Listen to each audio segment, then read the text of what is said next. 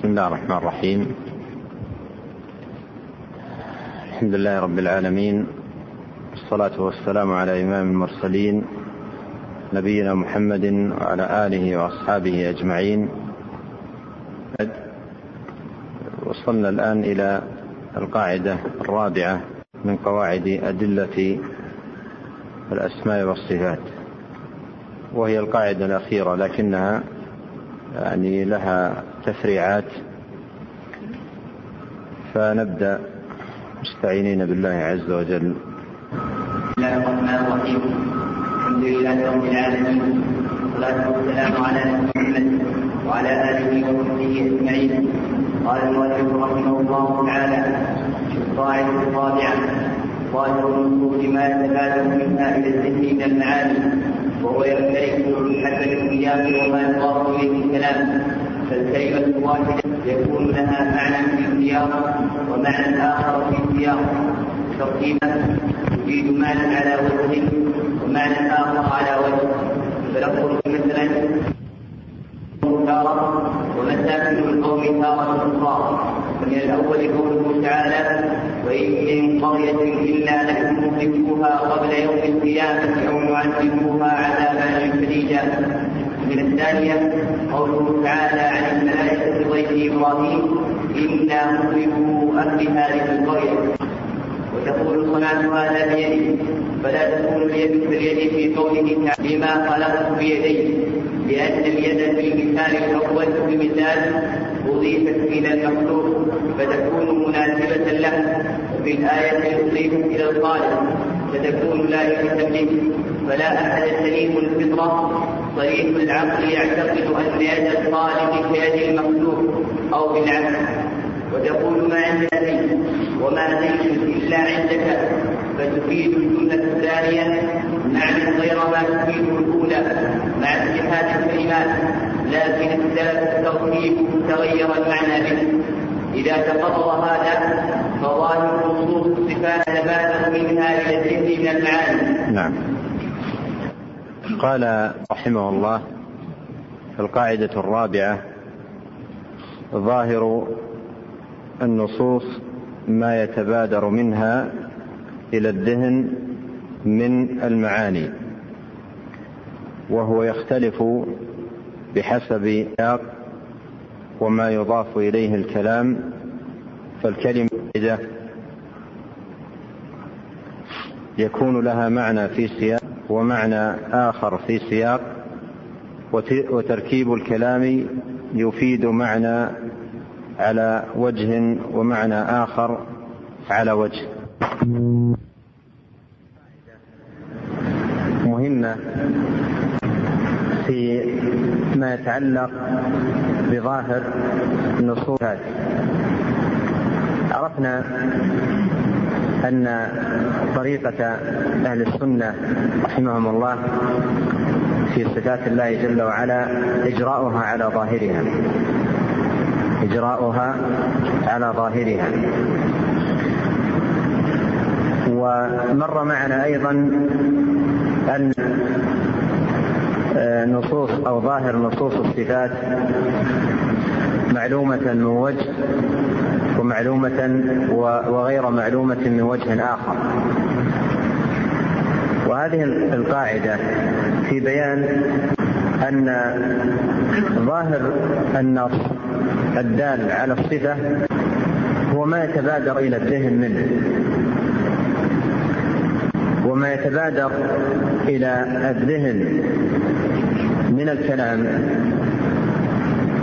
لا يتعلق باللفظ ذاته بل يتعلق بتركيب الكلام سياقه وما يضاف إلى اللفظ. ولهذا بعض الألفاظ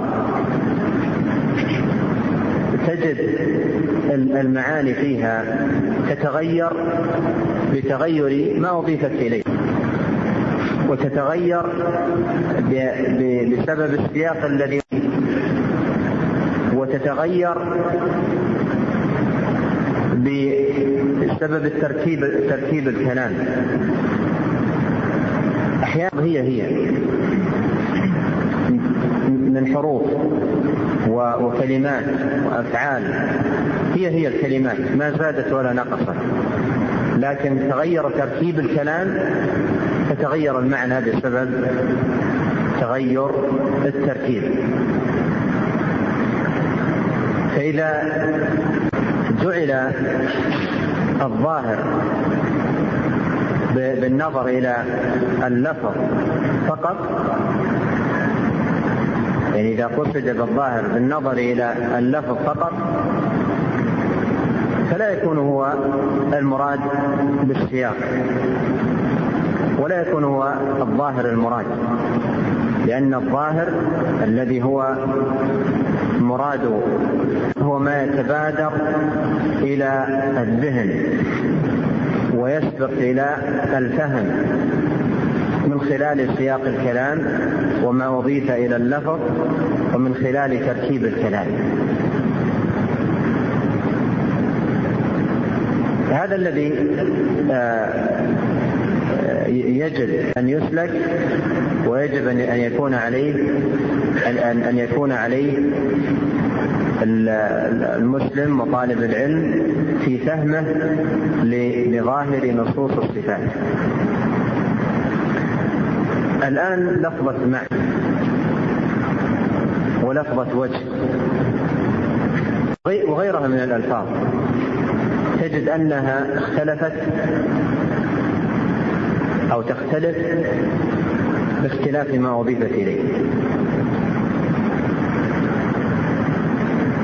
يعني إذا قلت الآن وجه الإنسان وجه الدابة وجه النهار وجه المسألة هل الوجه في كل موضع مدلوله واحد؟ أبدا.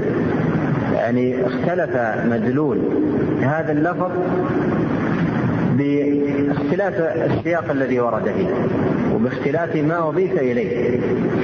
ولهذا عندما نقول النص عندما نقول ظاهر النص مراد إن كان تعلق المسألة بظاهر اللفظ الذي يتبادر إلى ذهنك مثل يتبادر إلى ذهنك أن ظاهر لفظ الوجه هو قد يتبادر إلى الذهن أن ظاهر لفظة الوجه هو الوجه نعرفه. فإذا قال قائل وجه النهار إذا قال قائل وجه النهار ظاهره عندي ظاهره عندي أن الوجه هنا هو الوجه الحقيقي الذي نعرفه. هو الوجه الحقيقي الذي نعرفه له العين والسمع والبصر و هذا الذي هذا المتبادر للذهن لذهنه. تبادر إلى ذهنه هذا المعنى عندما فهم للوجه على اللفظ ولم يلاحظ يلاحظ السياق. وهذا خطأ.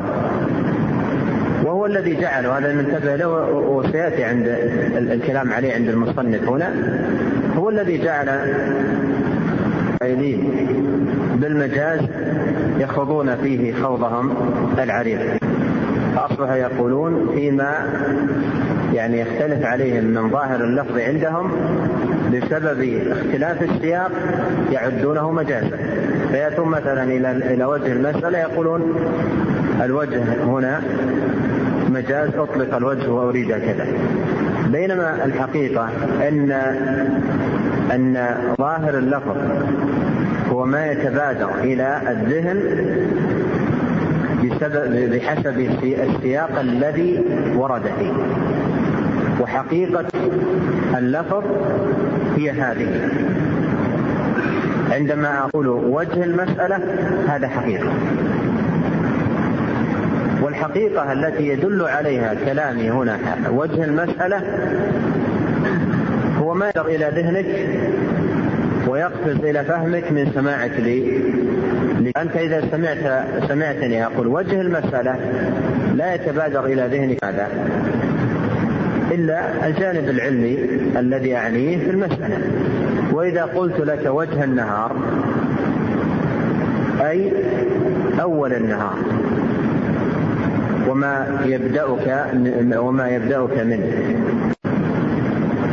وأصل كلمة وجه في اللغة هي مستقبل الشيء. نعم مستقبل الشيء أو أو ما يستقبلك منه. يقال له يقال له وجه. وتجد هذا الذي يقال له وجه. وهو ما يستقبلك من الشيء اختلف بحسب الشيء الذي أضيف إليه. اختلف بحسب الشيء الذي أضيف إليه. إن أضيف إلى مسألة أضيف إلى آه إنسان أضيف إلى حيوان إن أضيف له. وهو في كل موضع. من هذه المواضع حقيقة حقيقة دلالة اللفظ حقيقة دلالة اللفظ إذا عرفت هذه القاعدة أن ظاهر اللفظ هو ما يتبادر إلى الذهن منه. تكفي الرد على من يدعي المجاز في الألفاظ. لأن ظاهر اللفظ هو ما يتبادر إلى الذهن منه. الآن لما أقول لك يد الباب هل يتبادر إلى ذهنك اليد هذه؟ لأن لو قلت يد الإنسان رأسا يتبادر إلى ذهنك اليد الإنسان. إذا قلت يد الباب هل يقفز إلى ذهنك أو هذه اليد؟ أبدا. يتبادر إلى ذهنك اليد التي أضيفت إلى الباب وهي الممسكة والمقبض الذي يفتح به الباب. وقولنا يد الباب هذه حقيقة. حقيقة حقيقة وهي وهي ظاهر عليه خطاب المتكلم. وهذه الحقيقة. وهذا هو يعني ظاهر اللفظ هو ما يتبادر إلى الذهن منه فإذا ملاحظة ملاحظة السياق وما يضاف إلى إلى الكلمة وما يضاف إلى الكلمة وتركيب الكلمة مهم مهم جدا في فهم ماذا؟ في فهم الألفاظ ليس صحيح أن يأتي الإنسان إلى لفظة ويجعلها في موضع حقيقة مثل أن أقول حقيقة لفظ وجه هو هذا الذي فيه سمع وبصر وصفات الوجه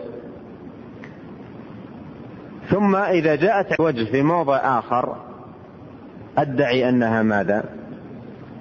أنها غير حقيقة أنها مجاز لأنها لم تأتي على اللفظ الذي هو قد جعلته أنا حقيقة في في موضع ومجاز في في في مواضع. بل حقيقة اللفظ هو ما يتبادر إلى الذهن منه بحسب ما أضيف إليه. بحسب ما أضيف إليه. ولهذا من من من من أهم ما يكون في هذا الباب مراعاة السياق وما يضاف إلى الكلمة وتركيب الكلمة حتى يفهم الكلام. لا بالنظر إلى اللفظة مجردة عن سياقها. وحتى أيضا يستوضح لكم الأمر. آتي بالمثال الذي أشرت إليه وهو مع. مع إذا أردت أن تفهمها. إذا أردت أن تفهمها. لا يمكن أن تفهمها إلا بالنظر إلى ماذا؟ إلا بالنظر إلى السياق الذي وردت فيه. بدونه ما يمكن. الآن عندما تقول القمر معنا وعندما تقول الرجل مع زوجته وعندما تقول الحليب مع الماء وعندما يقول الأب لابنه إذا كان يريد أن يذهب إلى مكان وهو خائف يقول اذهب أنا معك. ونحوها. تجدها في كل موضع ماذا؟ اختلفت. الحليب مع الماء هذه الظاهر هنا يدل على إيش؟ امتزاج. لو أراد إنسان أن أن يمشي هذا الظاهر ويجعله مع في كل المواضع ويقول قولنا القمر معنا يقتضي ماذا؟ امتزاج. امتزاج بنا ولهذا لا بد أن نقول إن, إن, إن, إن القمر معنا هذا مجاز وليس حقيقة. من قال لك أنها ليس حقيقة؟ هو حقيقة. هذه حقيقة اللفظ. لأن حقيقة اللفظ ما, ما, ما تبادر إلى الذهن منه بحسب السياق الذي ورد فيه. وعندما يقال الرجل مع زوجته قد يكون هو هنا في المدينة وزوجته في بلده لكنها معه أي في عصمته معه في, في عصمته ومع هنا صحيحة وحقيقة أيضا.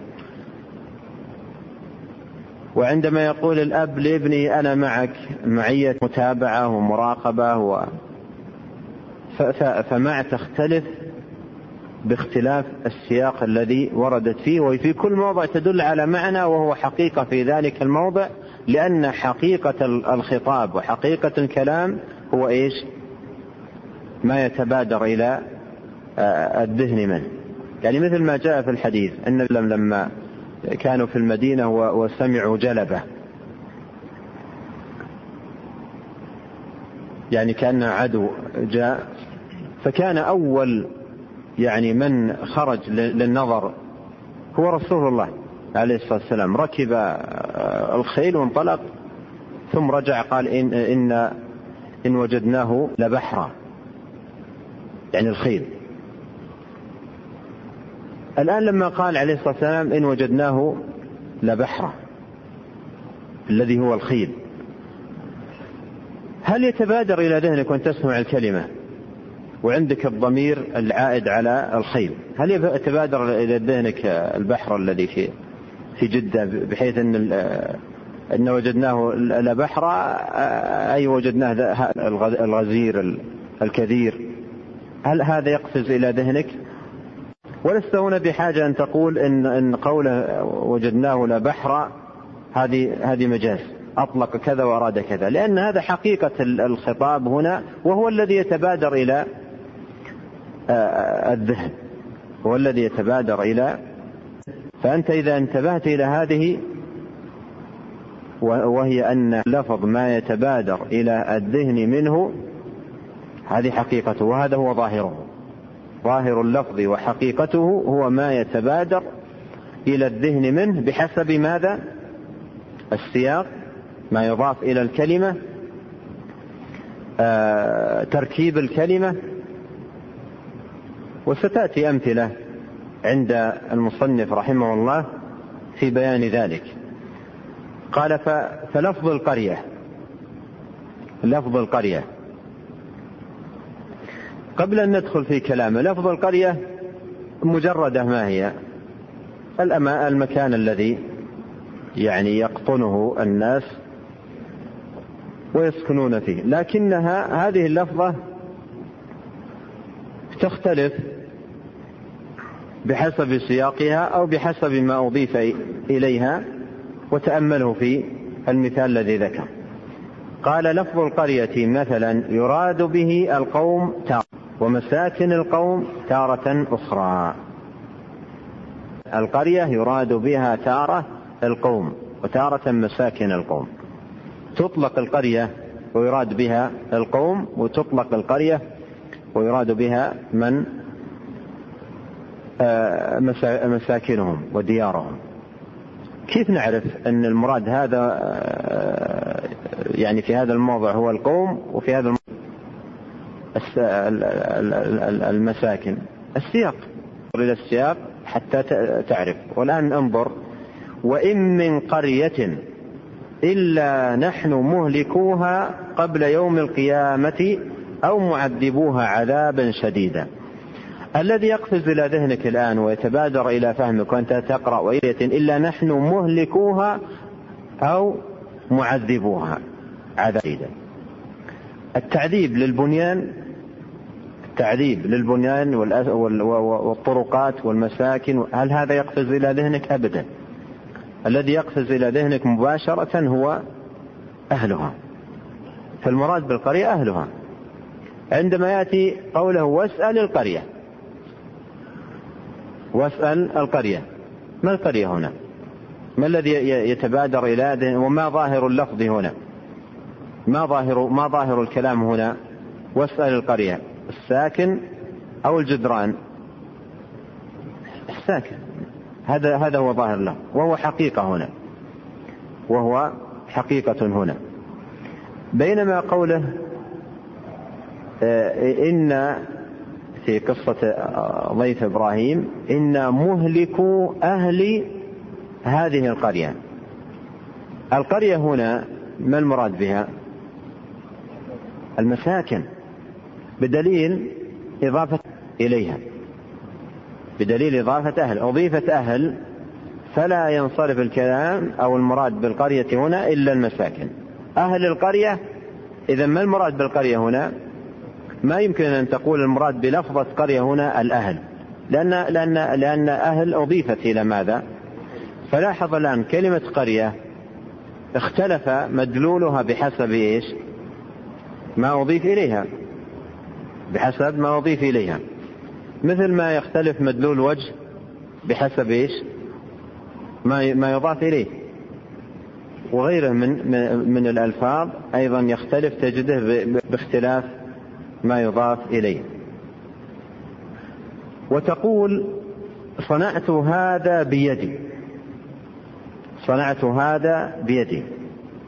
فلا تكون اليد كاليد في قوله تعالى لما خلقت بيدي. لماذا لا تكون اليد؟ هنا هي اليد التي هناك. لأن معنى اللفظ معنى اللفظ يخ باختلاف ما أضيف إليه. الإضافة لها دور في في في في فهم معنى اللفظ. هذا نحن نراه في المخلوقات ونجده في المخلوقات. لما أقول يد الإنسان ويد الباب اختلف المعنى. ما سبب اختلاف المعنى الذي أضيف إليه إلى اللفظ؟ ولقال قائل يلزم من إثبات اليد حقيقة لله تبارك وتعالى التشبيه. التشبيه. من أين جاءته هذه؟ لأنه جعل ظاهر اللفظ متحد في ماذا؟ في كافة موارده ظاهر اللفظ متحد في كافة موارده بقطع النظر عن أضيف إليه. ولهذا يعني قال إن إن إن إثبات اليد لله حقيقة يقتضي التشبيه. يقتضي التشبيه.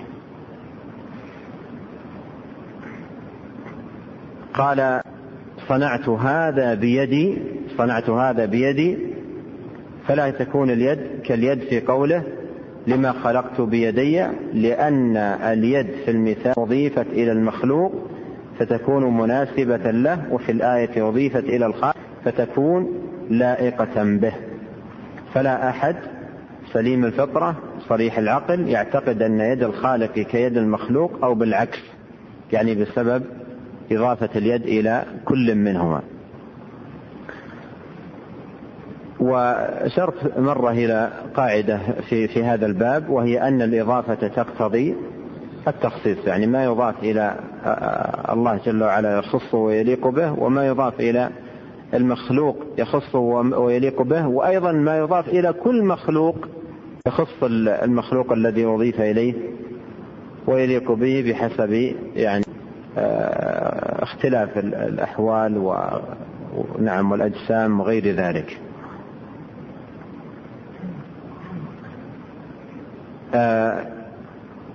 لاحظ عند عندنا يعني مرة فيما يتعلق بالسياق يتعلق بالإضافة يعني اختلافه باختلاف من أضيف إليه. اختلاف التركيب. مثل المثال الذي ذكر الشيخ ما عندك إلا زيد وما زيد إلا عندك. هذا من القصر. آه، في في كلا الجملتين. الآن لو لو نظرت إلى ألفاظ الجملتين من حيث الحروف والكلمات وما عندك إلا زيد إلا عندك. هل فيها زيادة؟ ما فيها زيادة. الكلمات هي الكلمات والحروف هي الحروف. ما تغير منها شيء. لكن الذي تغير ماذا؟ التركيب. يعني صار تقديم وتأخير في تغير المعنى. فلو كان المعنى مقصورا على اللفظ بدون مراعاة تركيبه يصبح ما عندك إلا زيد وما زيد إلا عندك في في حسب هذا الفهم مدلوله واحد. وهذا ليس صحيح لأن اختلاف التركيب يختلف به المعنى. فلم يصبح فهم المعنى قاصرا على مجرد اللفظ بل لابد من مراعاة التركيب الذي ورد فيه اللفظ. ما عندك إلا زيت ما عندك إلا زيت هذه الجملة. آه، هل يفهم منها أن المعني هنا عنده أحد آخر غير زيد؟ هل يفهم أن, أن عنده أحد آخر غير زيد؟ لا. لأنه هنا قصر للموجودين عنده قصر للموجودين عنده بمن؟ بزيد. ما عندك إلا زيد تفهم منها أنه لا يوجد عند هذا شخص آخر غير زيد. قصر للموجودين عنده على زيد. ما عندك إلا زيد. بينما ما زيد إلا عندك ليس هنا قصر للموجودين. قصر لوجود زيد. قصر لوجود زيد عند من؟ ما زيد إلا عندك فتفهم من القصر هنا أن زيد لا وجود له في مكان آخر إلا هنا عندك. هل الجملة الثانية آه، تدل على أنه لا يوجد شخص آخر عند المخاطب؟ قد يكون عنده أعداد كبيرة فلا آه، تنفي الجملة. ما زيد إلا عندك لأن القصر هنا رجع إلى زيد لا لم يرجع الموجودين والتغير هنا في المعنى راجع إلى التغير في ماذا؟ في التركيب. إذا لا بد من أجل فهم الكلام مراعاة السياق مراعاة المضافات إلى الكلام مراعاة تركيب الكلام. مراعاة تركيب الكلام. بعد هذا التمثيل الذي ذكر الشيخ قال إذا تقرر هذا فظاهر نصوص الصفات ما يتبادر منها إلى الذهن من المعاني. ما يتبادر منها إلى الذهن من المعاني. وهذا يعني واضح وكما بين الشيخ رحمه الله لا بد فيه من مراعاة السياق سياق الكلام. نعم. قال رحمه الله. وقد يقدم الناس فيه إلى ثلاثة أقسام. القسم الأول من جعل الظاهر المتبادر منها معنى حقا يليق بالله عز وجل وابقوا دلالتها على ذلك. وهؤلاء هم السلف الذين اجتمعوا على ما كان عليه النبي صلى الله عليه وسلم وأصحابه والذين لا يمسك لقى ظاهر السنة والجماعه إلا عليهم. وقد اجمعوا على ذلك. كما نقله ابن عبد البر رحمه الله فقال أهل السنة يجمعون على الإقرار بالصفات الوارده كلها في القرآن والسنة والإيمان بها وحملها على الحقيقة لا على المجاز إلا انهم لا يفيدون شيئا من ذلك ولا يكتبون فيه نسبه محصوره انتهى كلامه. قال القاضي ابو على تمثال قال التأويل لا يجوز رد هذه الأخبار ولا التشاؤم بتأويلها والواجب على ظاهرها وانها صفات الله لا تكون صفات سائر الموصوفين بها من الخلق ولا يعتقد التشبيه فيها ولا يعتقد التشبيه فيها. لكن على روي عن الامام أحمد وسائر الائمه انتهى كلامه رحمه الله. نقل ذلك عن ابن البر والقاضي شيخ الإسلام ابن تيمية والحرميه في مجموع الفتاوى للمقاتل. وهذا هو الحكم طريق قوي حكيم وذلك لوجهين الأول أنه تخبر بما دل عليه الكتاب والسنة من وجوب الأمر بما جاء فيهما من أسماء الله وصفاته. كما يعلم ذلك كما يعلم ذلك من تتبعه بعلم وانصاف الثاني أن يقال إن الحق يمكن أن يكون فيما قاله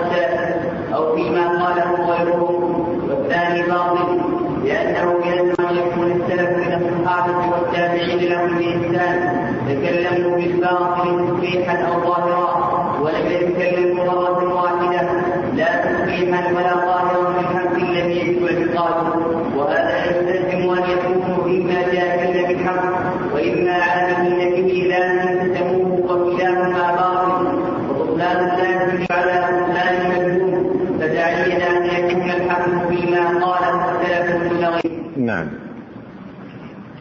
آه الشيخ رحمه الله لما ذكر قاعدة والطريقة الصحيحة في آه إجراء الظاهر بين أقسام الناس مع ظاهر نصوص الصفات وقال أنهم ينقسمون إلى ثلاثة أقسام يعني ما قول الناس والطوائف في ظاهر نصوص الصفات يظهر منها قال إنهم ينقسمون إلى أقسام ثلاثة. ذكر القسم الأول من جعلوا الظاهر المتبادر منها معنى حق يليق بالله عز وجل وأبقوا دلالتها على ذلك. وهذا منهج أهل السنة والجماعة. يعني الظاهر المتبادر منها معنى حق يليق بالله. خذ هذا بالمثال. لما خلقت بيدي ما ظاهره؟ حسب القاعدة وحسب منهج أهل السنة والجماعة. ما منعك أن تسجد لما خلقت بيدي؟ يدي هذه مضافة إلى الله على ما ظاهره؟ ظاهره يد حقيقية تليق بالله لأنها مضافة إليه. رضي الله عنهم ورضوا عنه. رضا مضاف إلى الله ورضا مضاف إلى العباد. الرضا المضاف إلى الله سبحانه وتعالى رضا يليق بجلاله وكماله. استوى على العرش الرحمن على العرش استوى مضاف إلى الله تبارك وتعالى استواء حقيقي يليق بجلاله وكماله. إذا طريقة أهل السنة أنهم جعلوا الظاهر المتبادر منها المتبادر منها أي آيات الصفات وأحاديث الصفات معنى حق. معنى حق يليق بالله. حق يليق بالله سبحانه وتعالى لأن هذه صفات تبارك وتعالى فهي تليق بجلاله وكماله وعظمته سبحانه وتعالى. وأبقوا, وأبقوا الظاهر على ما هو عليه أجروه. كما ورد وأبقوه على ما هو عليه به وأثبتوه صفة لله جل وعز دل عليه ودلت عليها سنة رسوله صلى الله عليه وسلم. قال وهؤلاء هم السلف الذين اجتمعوا على ما كان عليه النبي صلى الله عليه وسلم وأصحابه والذين لا يصدق لقب أهل السنة والجماعة إلا عليهم. لا يصدق لقب والجماعه عليهم. لماذا؟ لأن لا. انطباق اللفظ عليهم سببه وعدم انطباقه على أهل البدع سببه. ابن تيمية رحمه الله يقول أهل السنة سموا أهل السنة لأن ظهرت آه، فيهم السنة. وأهل البدعة سموا أهل البدعة لأن مصادر صدرت منهم البدعة. وهذا مقياس. من تظهر عليه السنة اعتقادا و... و... و... وعملا وتمسكا بها هو صاحبها. و من آه، صار منبعا للبدع ومحتضنا ل ما يستقيم واقع حاله مع آه، اللغة الذي يريده لنفسه. وكل صاحب بدعة لا يريد لنفسه لقب صاحب ماذا؟ بدعة. ومع عبر التاريخ كله أن أحدا من أهل البدع مع يعني آه، حجم بدعته كبرت أو عظمت يلقب نفسه بماذا؟ صاحب بدعة. وإنما الكل يقول عن نفسه صاحب سنة. ويلقب نفسه آه، بأنه من أهل السنة. على حد قول من قال وكل يدعي وصل لليلى فإذا هؤلاء أهل السنة يعني هؤلاء أهل السنة لأنهم التزموها وتمسكوا بها وظهرت فيهم السنة فكانوا أحق بها وأهلها. ثم نقل آه، آه، حكاية ابن عبد البر رحمه الله الإجماع إجماع أهل السنة على الإقرار بالصفات الواردة كلها في القرآن والإيمان بها وحملها على الحقيقة لا على المجاز. إلا أنهم لا يكيفون شيئا من ذلك ولا يحدون فيها آه، صفة محصورة. لا يحدون فيها صفة محصورة. يثبتون صفات الله جل وعلا على الوجه الذي يليق بجلاله وكماله والصفات التي أضيفت إلى الله عز وجل تليق به لأنها قد أضيفت إليه. أهل السنة مجمعون على ذلك كما حكى هذا ابن عبد البر وغيره من العلم. أيضا نقل عن القاضي أبي يعلى في كتابه إبطال التأويلات أنه قال لا يجوز لا يجوز رد هذه الأخبار ولا التشاغل بتأويلها والواجب حملها على ظاهرها وأنها صفات الله لا تشبه صفات سائر الموصوفين بها من الخلق ولا يعتقد فيها التشبيه لكن على ما روي عن الإمام أحمد وسائر الأئمة. الذي روي عن الإمام أحمد وسائر الأئمة هو الإجراء إجراؤها على الظاهر وإمرارها كما جاءت وإثباتها لله سبحانه وتعالى صفة تليق بجلاله وكماله وعظمته. أشار الشيخ إلى أنه نقل هذا من الحموية والحموية حافلة بنقول ثمينة جدا. التقطها شيخ الإسلام منتقاها من كتب كثيرة للسلف وأودعها في هذا الكتاب العظيم الفتوى الحموية. ولهذا هذا الكتاب حافل بنقول من, من أنفس ما يكون. وبعض هذه النقول في كتب لا توجد الآن. يعني في كتب مفقودة. فهو كتاب ثمين للغاية ولا سيما في في في النقول التي تؤكد هذه الطريقة للسلف رحمهم الله في التعامل مع نصوص الصفات. ثم ذكر الشيخ أن هذا الطريق هذا المذهب والطريق القويم لوجهين. الوجه الأول أنه تطبيق تام لما دل عليه الكتاب والسنة. تطبيق تام لما دل عليه الكتاب والسنة من وجوب الأخذ بما جاء فيهما.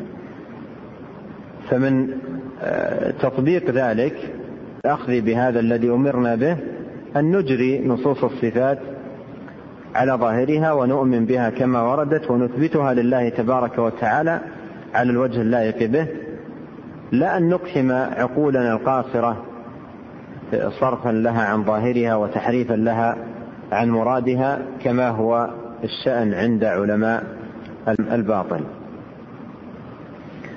والوجه الثاني أن يقال إما أن يكون مع الصحابة ومن اتبعهم بإحسان الذين أجل هذه النصوص على ظاهرها ولم يعرف عنهم تأويل وصرف لها عن الظاهر أو أن يقال إن الحق مع الذين أجر صرفوا هذه النصوص عن ظاهرها و و وحرفوها بأنواع التحريفات.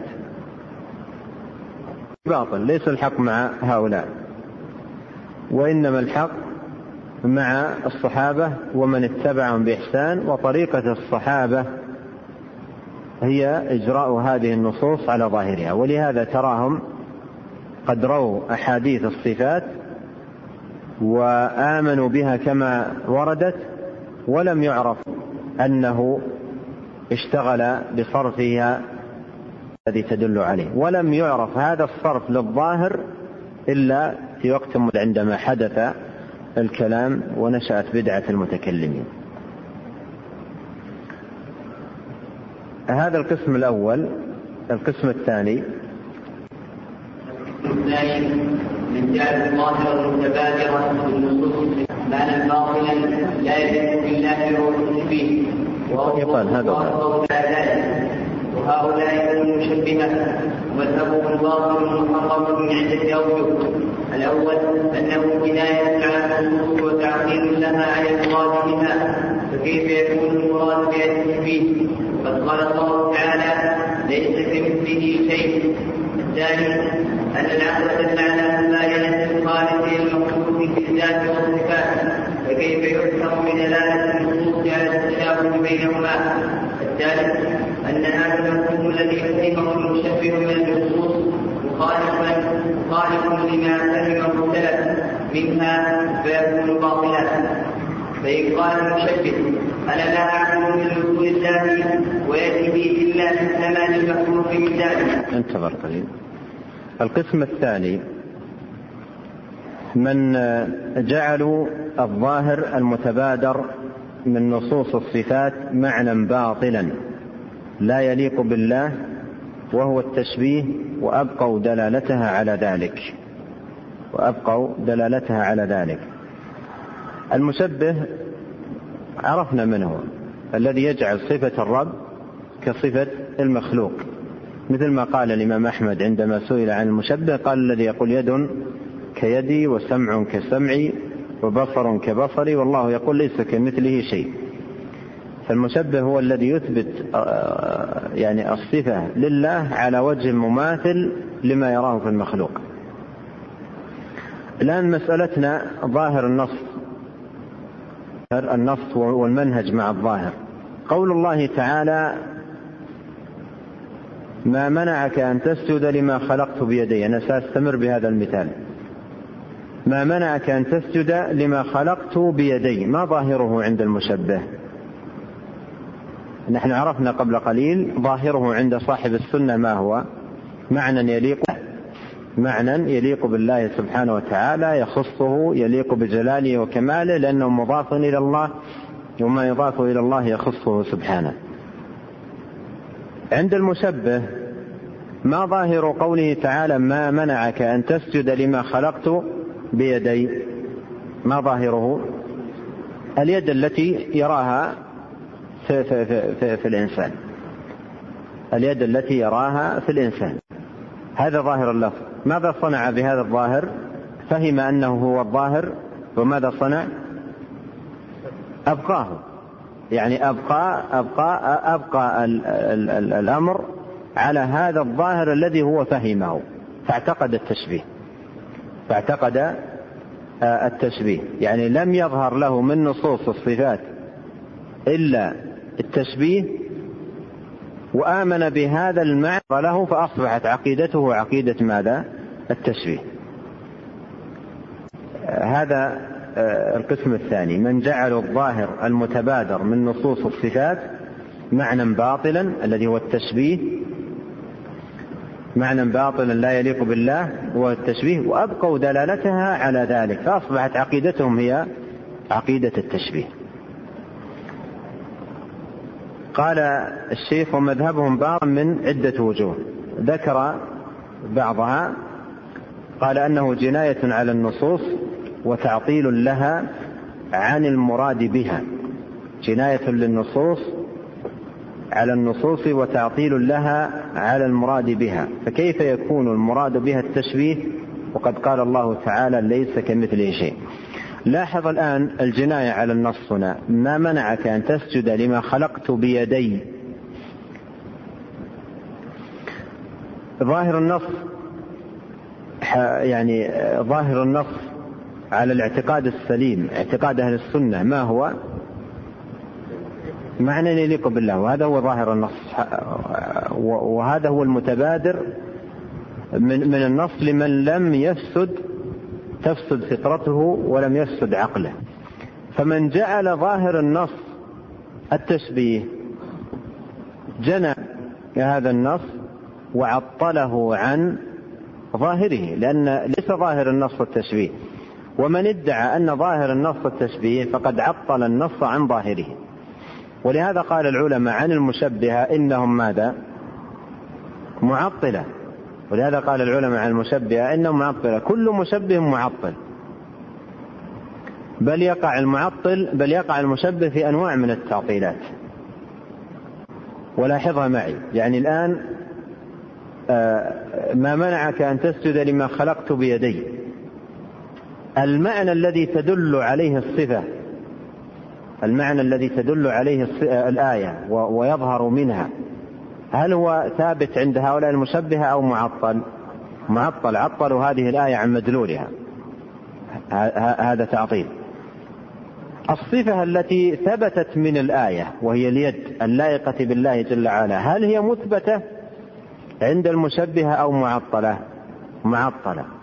عطلوا النص المعين الذي أثبت الصفة عن مدلوله وعطلوا الصفة نفسها عن عن عن, عن إثباتها الله تبارك وتعالى. أيضا تعطيل ثالث وقعوا فيه عطلوا الآيات الكثيرة التي فيها نفي التشبيه كقوله تعالى ليس كمثله شيء وقوله هل تعلم له سميا هل هذه الآيات ونظائرها مثبتة عند هؤلاء أو معطلة؟ هل معمول بها عند المشبهة أو هي معطلة؟ معطلة. ولهذا كل مشبه معطل. وهذه جناية. يعني جناية وقع فيها هؤلاء المشبهة عطلوا النصوص عن مرادها ومدلولها وعطلوا أيضا الرب سبحانه وتعالى عن صفات الكمال اللائقة بجلاله سبحانه وتعالى. الوجه الثاني أن العقل دل على مباينة الخالق للمخلوق في الذات والصفات. فكيف يحكم بدلالة النصوص على التشبيه؟ هذا ما يمكن. العقل دل على المباينة مباينة المخلوق في, في, في الذات والصفات. فكيف يجعل النص دالا على التشابه بينهما؟ مثل اليد ما منعك أن تسجد لما خلقت بيدي؟ تجعل آه، هي اليد التي تضاف إلى المخلوق. لا يمكن هذا والعقول السليمة تدرك المباينة بين الخالق والمخلوق في والصفات. بل بل أيضا في في هذا الموضع المباينة قد أدركنا المخلوق والمخلوق. قد أدركناها بين المخلوق والمخلوق. الآن اليد عندما نضيفها إلى النملة. وعندما نضيفها إلى اليسد إلى الأسد أهي يد واحدة؟ أو اختلفت؟ اختلفت بحسب من أضيفت إليه. اختلفت بحسب من أضيفت إليه. ولهذا الصفات تختلف بحسب من أضيفت إليه. الوجه أن هذا المفهوم الذي فهمه المشبهة من النصوص فهمه السلف منها فيكون باطلا لأن الحق ما كان عليه السلف. وكل ما ما لم يكونوا عليه فهو باطل وهو من اتباع غير سبيل المؤمنين. إذ قال الله تعالى ومن يتبع غير سبيل المؤمنين نوله ما تولى ونصله جهنم وساءت مصيرا نعم. فإن قال فإن قال المشبه أنا لا أعقل من رسول الله ويده إلا مثل ما المخلوق من ذلك والله تعالى لم يخاطبنا إلا بما نعرفه ونعقله.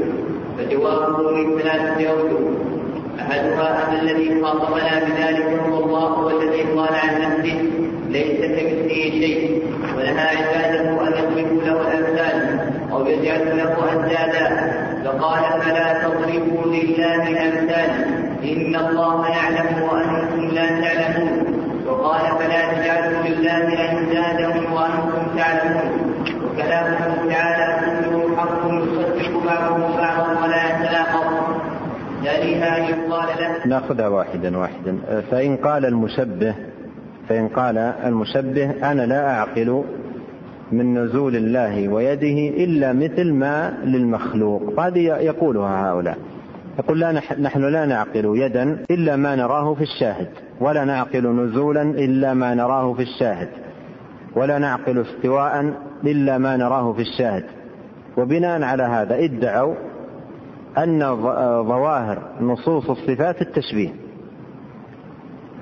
وأبقت المشبهة هذا الظاهر الذي فهموه واعتقدوا عقيدة التشبيه. فكيف الرد على من يقول أنا لا أعقل هذه آه، الظواهر إلا ما أراه في الشاهد؟ لا أعقل يدا إلا هذه اليد التي أرى. ويبني على ذلك أن يد الله كيد المخلوق تعالى الله عما يقولون وسبحان الله عما يصفون. فما الجواب على من يقول ذلك. قال من وجوه. الأول أن الذي خاطبنا بذلك يعني جمال البيان الذي خاطبنا بذلك يعني خاطبنا بأن له يد وسمع وله بصر وذكر لنا صفاته سبحانه الذي خاطبنا بذلك هو الذي قال عن نفسه ليس كمثله شيء. هو الذي قال عن نفسه ليس كمثله شيء. الذي أخبرنا بأن له يد وسمع وبصر هو الذي أخبرنا أنه ليس كمثله شيء. فكيف يتم لنا الفهم بالجمع بين هذه وهذه؟ بل خذ الآية الواحدة ليس كمثله شيء وهو السميع البصير. أثبت سبحانه وتعالى لنفسه السمع والبصر. بعد نفي المثلية. بعد نفي المثلية. أيمكن لعاقل ومنصف أن يفهم من هذا السياق الواضح البين مثل ما يفهمه من السياق الآخر الذي قال الله فيه إنا خلقنا الإنسان من نطفة أمشاج فجعلناه سميعا بصيرا. هل يفهم أن السمع هنا هو هذا السمع والبصر هنا هو هذا البصر؟ أبدا. لأن الذي أثبت لنفسه السمع والبصر هو الذي نفى عن نفسه المماثلة. فإذا قال أنا لا أعقل سمعا إلا ما أراه ولا أعقل ما أراه هذا كفر بقوله ليس كمثله شيء. وبقوله هل, هل تعلم له سميا؟ وبقوله ولم يكن له كفوا أحد. بل لم يكن مؤمنا بقوله وهو السميع البصير. لأن وهو السميع البصير لا يفهم منها ما فهمه هو بفهمه الفاسد. وذكر الشيخ آيات أخرى في المعنى في المعنى نهى عباده أن يضربوا له الأمثال وأن يجعل له أندادا فقال فلا تضربوا لله الأمثال إن الله يعلم وأنتم لا تعلمون. وقال فلا تجعلوا لله أندادا وأنتم تعلمون. وكلامه تعالى كل يصدق بعضه بعضا ولا يتناقض. هذا الوجه الأول. قال له ألا تستعقل بالله لا تكون الزواج فيقول بلى فيقال له فلتعقل له صفاتا لا تشبه الصفات فإن القول في الصفات كالقول في الذات ومن فرق بينهما فقد تناقض. وهذا واضح جدا في في إبطال دعوى هؤلاء. يقال لهذه الصفات إلا ما أراه في الشاهد يقال لا تثبت لا, لا تشبه الذوات. سيقول نعم. فيقال له باب الصفات من هذا القبيل. القول في الصفات كالقول في الذات. فكما أنك تثبت له ذاتا لا, لا كالذوات فأثبت له صفات لا كالصفات. وهذه قاعدة. في بعض القول في الصفات كالقول في الذات. نعم. يقال ألست تشاهد في المخلوقات ما يكون بالأسماء ويختلف في الحقيقة والكيفية؟ فسيقول بلى. فيقال له إذا عقدت تباين بين المخلوقات في هذا فلماذا لا تعقله بين الخالق والمخلوق؟ مع أن التباين بين الخالق والمخلوق أظهر وأعظم المخلوق كما سبقت القاعدة الثالثة من قواعد الصفات. الوجه ظاهر جدا في إبطال دعوى هؤلاء ببيان أن بأن يقال لمثل هذا ألست تعقل في الشاهد أشياء كثيرة تتفق في الأسماء وتختلف في الحقائق أشياء كثيرة تتفق في الأسماء حقائق. مثل ما مثلت قبل قليل يد النملة ويد الباب. اتفقت في الأسماء لكن الحقائق اختلفت بماذا؟ بسبب من أضيفت إليه. من أضيفت إليه.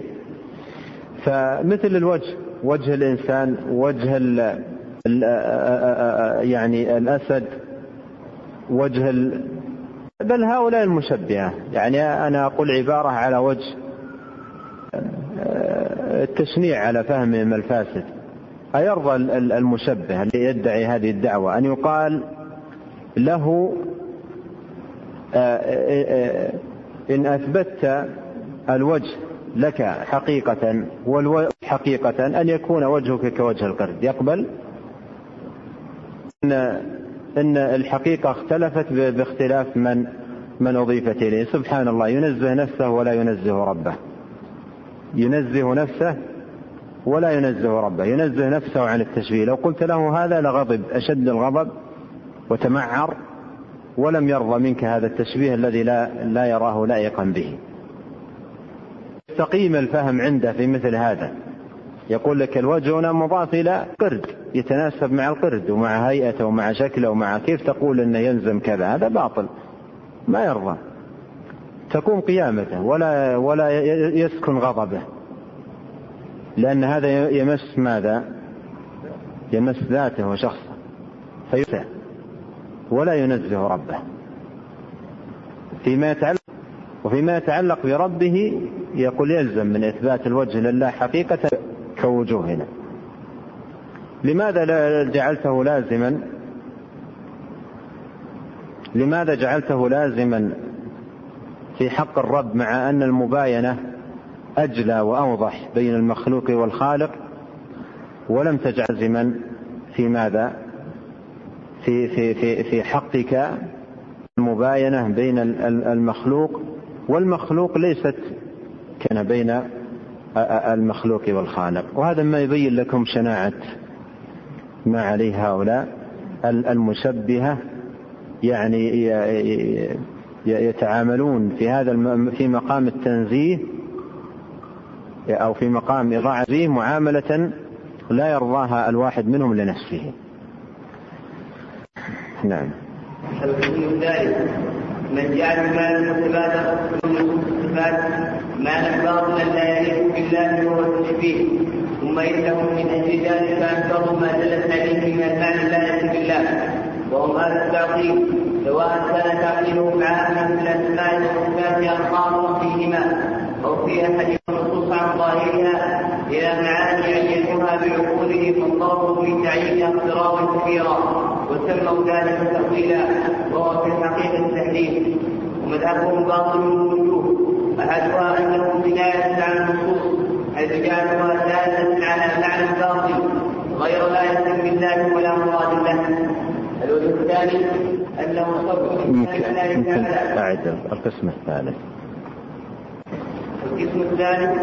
نعم أعد نعم. القسم الثالث من جعل المعنى متبادرا من نصوص الصفات معنى باطلا لا يليق بالله وهو التشبيه ثم إنه من أجل ذلك انه ما دلت عليه من المعنى لا بالله وهو التعطيل سواء كان تعطيلهم عاما بالصفات خاصه فيهما أو في أحدهما.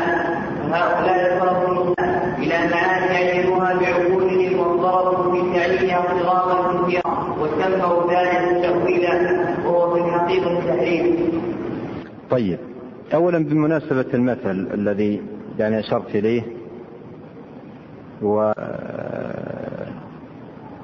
المراد منه كما أسلفت يعني بيان ما عليه هؤلاء. لكن بمناسبة ذكر المثل الذي هو يعني هل يرضى هؤلاء أن يقال لهم إن إثباتك لنفسك وجها وللقرد وجها حقيقة يلزم منه كذا. على نفس الطريقة التي سلكوها في باب ماذا؟ الصفات. اشرت إلى أنه لا يمكن أن يرضى بذلك ولا يقبل لأنه يصفه يعني أنزه من ذلك. لكن بالمناسبة أريد أن أقول إن المشبه مما هو عليه من تشبيه وكفر فإن خير منه.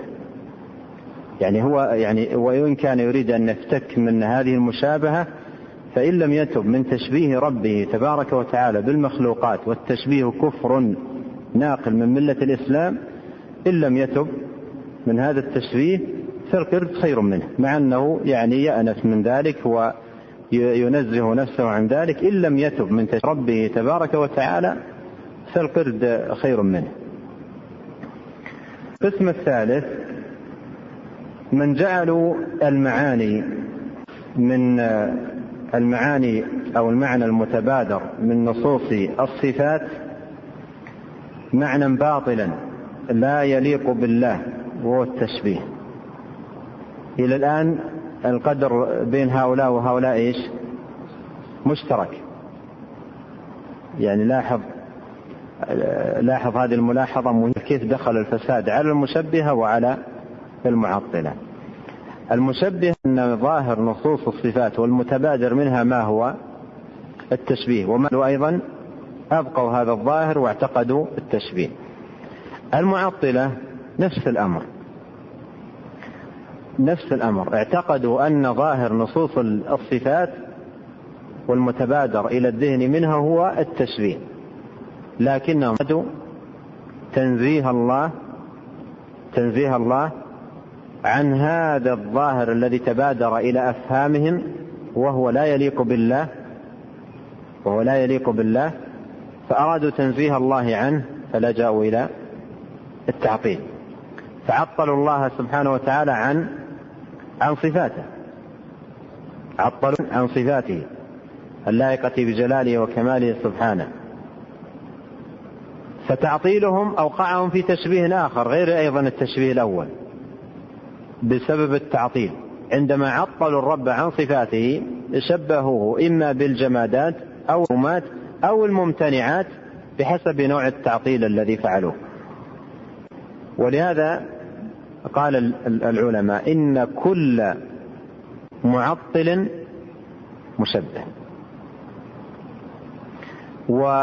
وكل مشبه معطل قبل قليل ذكرت لكم أن كم تعطيل وقع فيه. والمعطل كم والمعطل كم تشبيه؟ تشبيه قبل التعطيل وتشبيه بعده. ولهذا كل تعطيل كل تعطيل محفوف بتشبيهين. كل تعطيل محفوف بتشبيهين. تشبيه قبل التعطيل وتشبيه بعده. لأن أساس وجود التعطيل التشبيه وما ينبني على التعطيل هو إيش؟ أيضا التشبيه. قال من جعلوا المعنى المتبادر من نصوص الصفات معنى باطلا لا يليق بالله وهو التشبيه. ثم من أجل ذلك أنكروا ما دلت على عليه من المعاني. اللائقة بالله وهم أهل التعطيل. يقول الشيخ سواء كان تعطيلهم عاما يعني في الأسماء والصفات أم خاصا فيهما أو في أحدهما فهؤلاء صرفوا النصوص عن ظاهرها إلى معاني عين بعقولهم واضطربوا في تعيينها اضطرابا كثيرا وسموا ذلك تأويلا وهو في الحقيقة تحريف. لاحظ هذا يعطيك خلاصة مريحة جباب الركام الكثير من التحريفات الذي ملأ كتب المتكلمين. ما سببه؟ يعني تحريفات لا حصر لها ولا عد. كلها انبنت على إيش؟ كلها انبنت على التشبيه. لهذا أنا أقول بالمناسبة يعني بمناسبة هذا الموضوع أقول إن التح...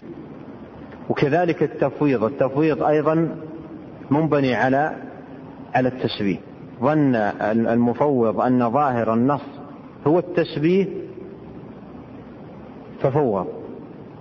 يريد بذلك التنزيه. ولهذا لاحظ عندك مناهج كثيرة جدا لا حصر لها في في في الصفات تحريف والتمع وتفويض وأيضا التش... لا حصر لها ولا عد. هذه كلها يعني المناهج هذه المناهج كلها هي في الحقيقة مرض هي في الحقيقة مرض والطبيب الحاذق عندما يريد علاج مرض معين لا يبحث عن إيش؟ أصل المرض وجرثومته لأنه في جرثومة تبدأ ومنها تتنوع ليش؟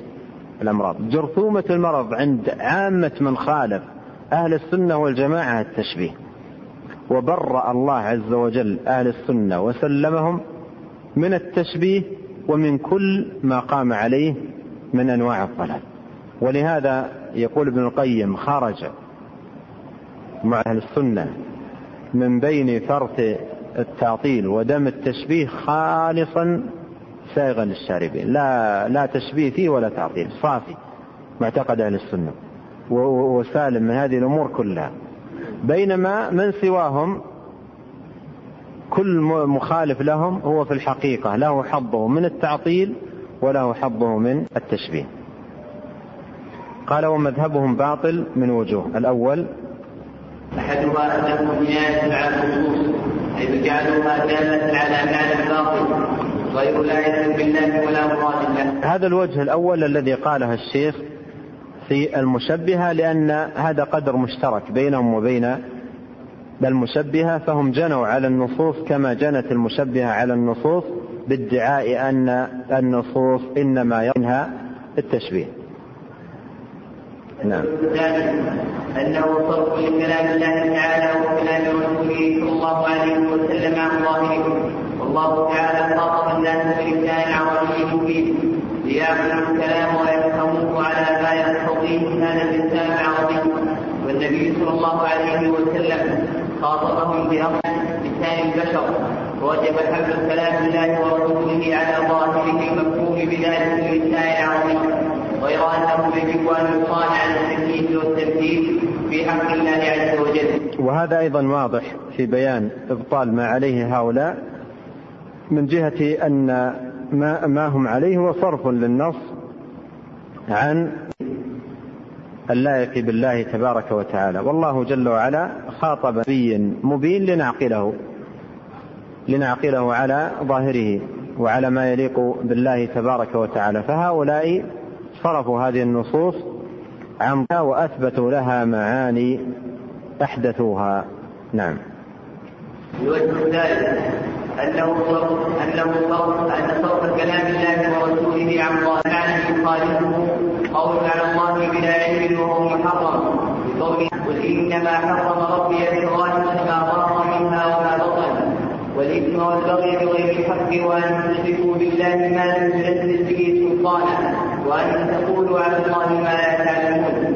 ولقوله سبحانه ولا تقف ما ليس لك به علم إن السمع والبصر والفؤاد كل أولئك كان عنه مسؤولا ذلك تعالى ورسوله عن ظاهره إذا تعلم يخالفه ما ليس له به علم وقال عن الله ما لا يعلم بوجهين الأول أنه زعم أنه ليس المراد بكلام الله تعالى ورسوله كذا مع أنه الله الكلام الثاني أنه زعم أن المراد به كذا لا يجب عليه ظاهر الكلام وإذا كان من المعلوم أن أن تعيين أحدا نعم أن تعيين أحد المعنيين بالتاويل الاحتمال قول بلا علم فما ظنك بتعيين الموجود المخالف لظاهر الكلام مثال قول تعالى ما منعك ان تسجد لما خلقت بيديه فاذا قال عن ظاهره وقال لم يرد باليدين الحقيقيه الحقيقة الحقيقيتين وانما اراد كذا وكذا قلنا له ما دليلك على ما نفيت وما دليلك على ما اثبت فإن, فإن أتى بدليل أن له ذلك وإلا كان قائلا على الله بلا علم في نفسه هذا الوجه الثالث في الرد على أو بيان بطلان ما عليه أهل التأويل والتحريف أن يقال إن ما أنتم عليه هو قول على الله بلا علم وقفو لما ليس لكم به علم قول على الله بلا علم وقفو لما ليس لكم به علم وذكر الشيخ الين وأن تقولوا على الله ما لا تعلمون ولا تقف ما ليس لك به علم. وبين الشيخ بالمثال ما ما ذلك. إذا قال المؤول إن قول الله تعالى ما منعك أن تسجد لما خلقت بيدي لا يدل لاحظ لا يدل على ثبوت يدين حقيقيتين لله وإنما يدل على أن المراد باليدين القوة. عنده الآن إيش؟ نفي وإثبات يتعلق بالآية. نفى عن الآية دلالة وأثبت لها دلالة. فهو الآن يحتاج حتى يخرج من أن يكون قال على الله بلا علم حتى يخرج من أن يكون قفى ما ليس له بعلم يحتاج إلى دليل على ما نفاه ودليل على ما أثبته. ما دليلك على أن قوله تعالى ما منعك أن تسجد لما خلقت بيدي؟ لا يدل على ثبوت اليدين الحقيقيتين لله مع أن هذا ظاهر النص. فما دليلك على النفي هات وقولك آه، وإنما يدل على أن المراد باليدين القوة هذا الذي المعنى الذي تثبته أيضا هات الدليل عليه. ولا يوجد لا, دليل لا على النفي ولا على الإثبات ولهذا يعني كان قولهم قولا على الله بلا علم وقفوا لما ليس لهم به علم. هذا الوجه الثالث. الوجه الرابع. الوجه الرابع في إبطال مذهب أهل التعقيب أن صرف عن ظاهرها مخالف لما كان عليه النبي صلى الله عليه وسلم وأصحابه. وسلف الأمة وأئمتها. فيكون باطلا لأن الحق بلا ريب فيما كان عليه النبي صلى الله عليه وسلم وأصحابه. وسلف الأمة الوجه الرابع واضح وسبق معنا نظيره في الرد على المشبهة أن هذا الذي أنتم عليه هو مخالف لما كان عليه السلف ولا وجود له عندهم وما كان عليه السلف هو الحق وماذا بعد الحق إلا الضلال. نعم. أن يقال للمعطل هل أنت أعلم بالله من نفسك؟ فسيقول لا ثم يقال له الماء أخبر الله به عن نفسه صدق وحق. فسيقول ثم يقال له هل تعلم كلاما أصلح وأبين من كلام الله تعالى؟ فسيقول لا ثم يقال له هل تظن أن الله سبحانه وتعالى أراد أن يعمي الحق على الخلق في هذه النصوص يستخرجوه فسيقول لا هذا ما يقال له باعتبار ما جاء في القرآن. باعتبار ما جاء في السنة فيقال له أنت أعلم بالله من رسوله صلى الله عليه وسلم؟ فسيقول لا. ثم يقال له هل ما أخبر به رسوله صلى الله عليه وسلم عن الله حكم وحق؟ فسيقول نعم. ثم يقال له هل تعلم أن أحدا من الناس أصدق كلاما وأبين من رسول الله صلى الله عليه وسلم فسيقول لا ثم يقال له هل تعلم من الناس أنصح لعباد الله من رسول الله صلى الله عليه وسلم؟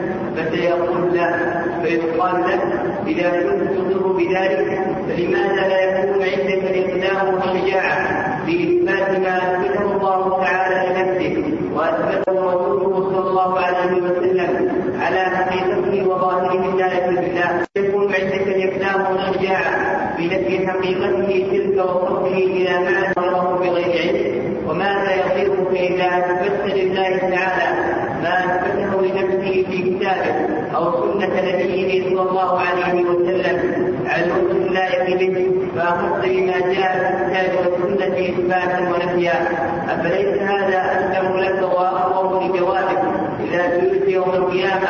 ماذا أجبتم أوليس فرقك لهذه النصوص عن ظاهرها والتعيين مع آخر منك؟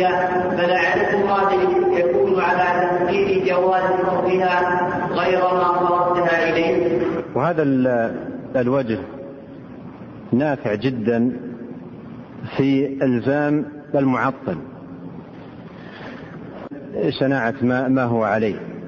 من جهة بيان ما في كلام رسوله صلى الله عليه وسلم من العلم والفصاحة والنصح. من العلم والفصاحة والنصح.